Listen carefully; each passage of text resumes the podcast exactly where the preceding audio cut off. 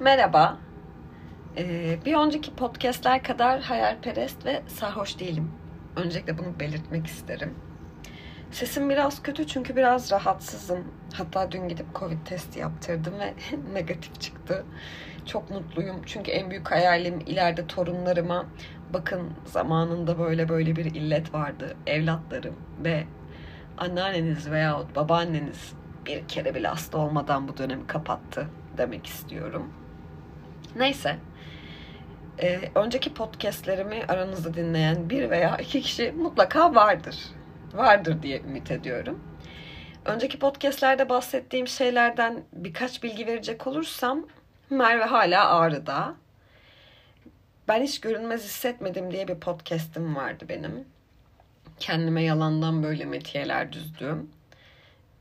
Ben bu sene görünmez hissettim ve kendimi motive etmeye çalışırken yalan konuşmayı bıraktım.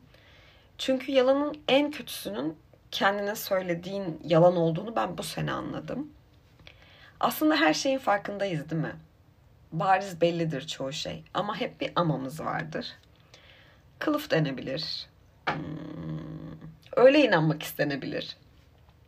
Çocukluğunda zor anıları olan insanların hayal kurmaya daha eğilimli olduğunu fark ettim. Kar yağar, oynayamamışsındır. Deniz önündedir, girememişsindir. Bu seni hayallerinde Elsa ve Ariel yapar. Bazı insanlar kafasının içine klipler çeker. Yazmaya ve anlatmaya meyillidirler. Bakınız ben. Her şeye bir anlam yükler ama her şeye. Ekranı kilitlerken yanlışlıkla çektiği fotoğrafa bile uzun uzun metiyeler dizebilir. Fakat bu bu kadar hayalperest ve sanata eğilimli olduğunda bence bir tık gerçeklik algını kaybediyorsun. Benim 25 yaşımda daha yeni öğrendiğim bazı gerçekler var. Benim dünyamda bana göre herkes iyi olduğu için birbirinin yanında mesela. Öyle büyük anlamlar, altında planlar, köşesinde yalanlar. Aman efendim arkasında kararlar yok. Dı diyelim ama. Geçti çünkü.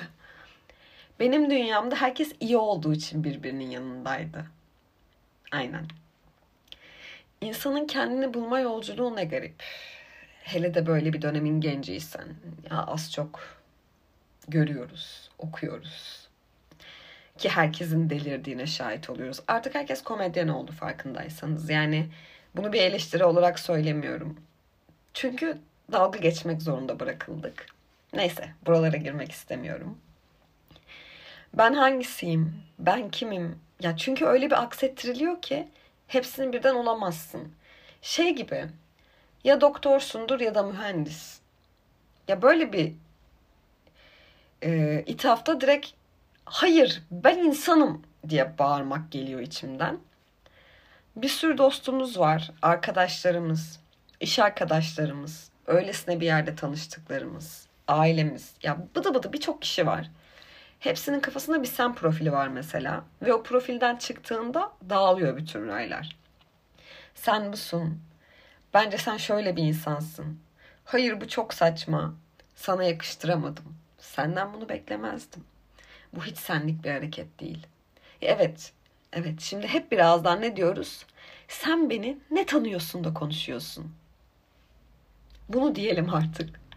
Ya en son bir yazışmamı hatırlıyorum ya lütfen artık bu kadar üzerime gelme. Bak ben buna alışık değilim. Benden bu oldu. Ben kendimi bu kadar yetiştirebildim.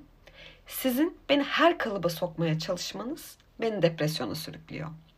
Açıklık şahane. Kafamın içinde konuşan 10-100 milyon balon yani baloncuk baloncuk artık susma vaktiniz gelmişti. Şimdi çok sevdiğim bir kitaptan çok sevdiğim bir kısmı burada okumak istiyorum. Halil Cibran'ın Ermiş kitabında okurken içselleştirdiğim bir kısım vardı. Veda bölümü. Şöyle. Hiçbir gün doğumu gün batımının terk ettiği yerde bulamaz bize. Toprak uyurken bile seyahat ederiz. Bizler inatçı bitkinin tohumlarıyız. Ve olgunluk dönemimizde kalbimiz bolluk içindeyken rüzgara verilir ve etrafa dağılırız. Aranızda geçirdiğim günler kısa sarf ettiğim sözcükler daha da kısaydı. Ancak sesim kulaklarınızdan kaybolacak ve sevgim hafızanızdan silinecek olursa o zaman tekrar geleceğim. Daha zengin bir kalple ve ruha daha çok teslim olan dudaklarla konuşacağım. Uzun çabalar sonunda kendimizle ilgili gerçekçi bir algı oluşturduğumuzda bu başkalarının bizim hakkımızda oluşturduğu algıyla uymayabiliyor. Aslında ne savaşlar verdiğimiz, ne hayaller kurduğumuz o yolları bir anlamda da anlamsızlaştırıyor. Bence bazı vedalar çok kıymetli. Doğru sandığın yanlışlara, gerçek sandığın rüyalara, dert sandığın gündelik olaylara, torba değil ki büzesin dediğin ağızlara. En keyiflisi ise ittire ittire zorla sokulduğun o kalıba veda. Daha sen bir yıl diliyorum ben. Daha sen, daha içten.